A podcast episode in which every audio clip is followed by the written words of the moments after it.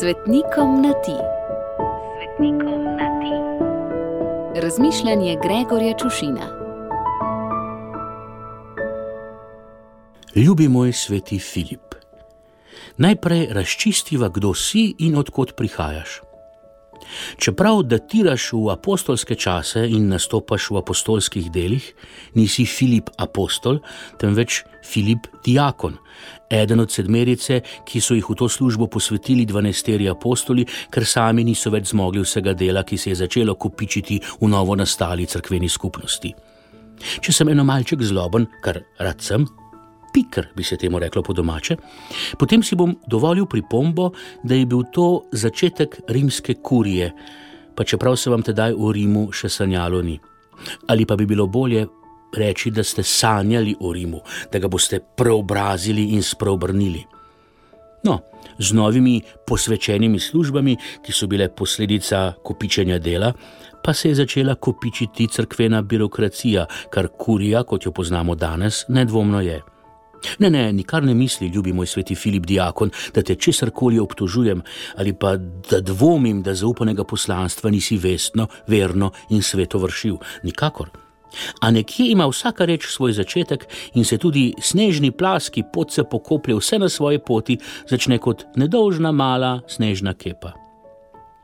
In čeprav ste tudi sneg v vaših krajih bolj ali manj tedaj le sanjali, ste vseeno zgnetli prvo kepico, ki je sprožila plas, ki danes, no, pustimo obtožbe in pritoževanja pri miru, a upanje ostaja, da se tudi Rim še utegne spreobrniti in preobraziti.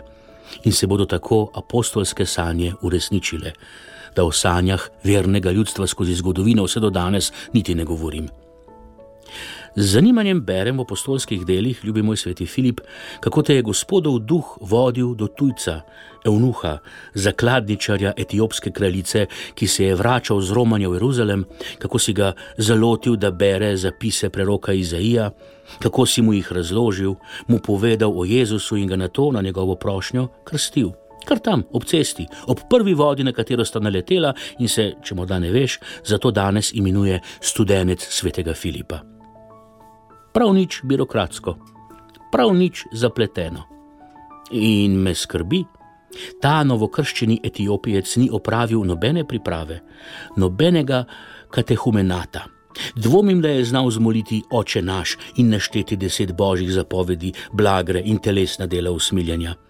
Obred se je izvršil brez prič, brez botra in orgal, v hebrejščini, aramejščini, etiopščini ali grščini, vsekakor ne v edino svetem latinskem jeziku.